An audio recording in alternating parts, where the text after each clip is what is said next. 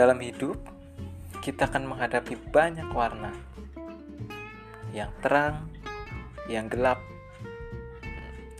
perasaan yang sedih, perasaan yang gembira, yang suka, yang duka, yang kecewa, yang mengecewakan.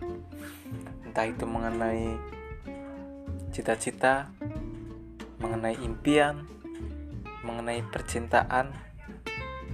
Nah, semua itu di berbagai cerita ini akan kita bahas bersama saya Putut dan ke depan kita akan ngobrol dengan teman atau mungkin orang sesuai dengan kapasitas dan kemampuan serta pengalaman kita.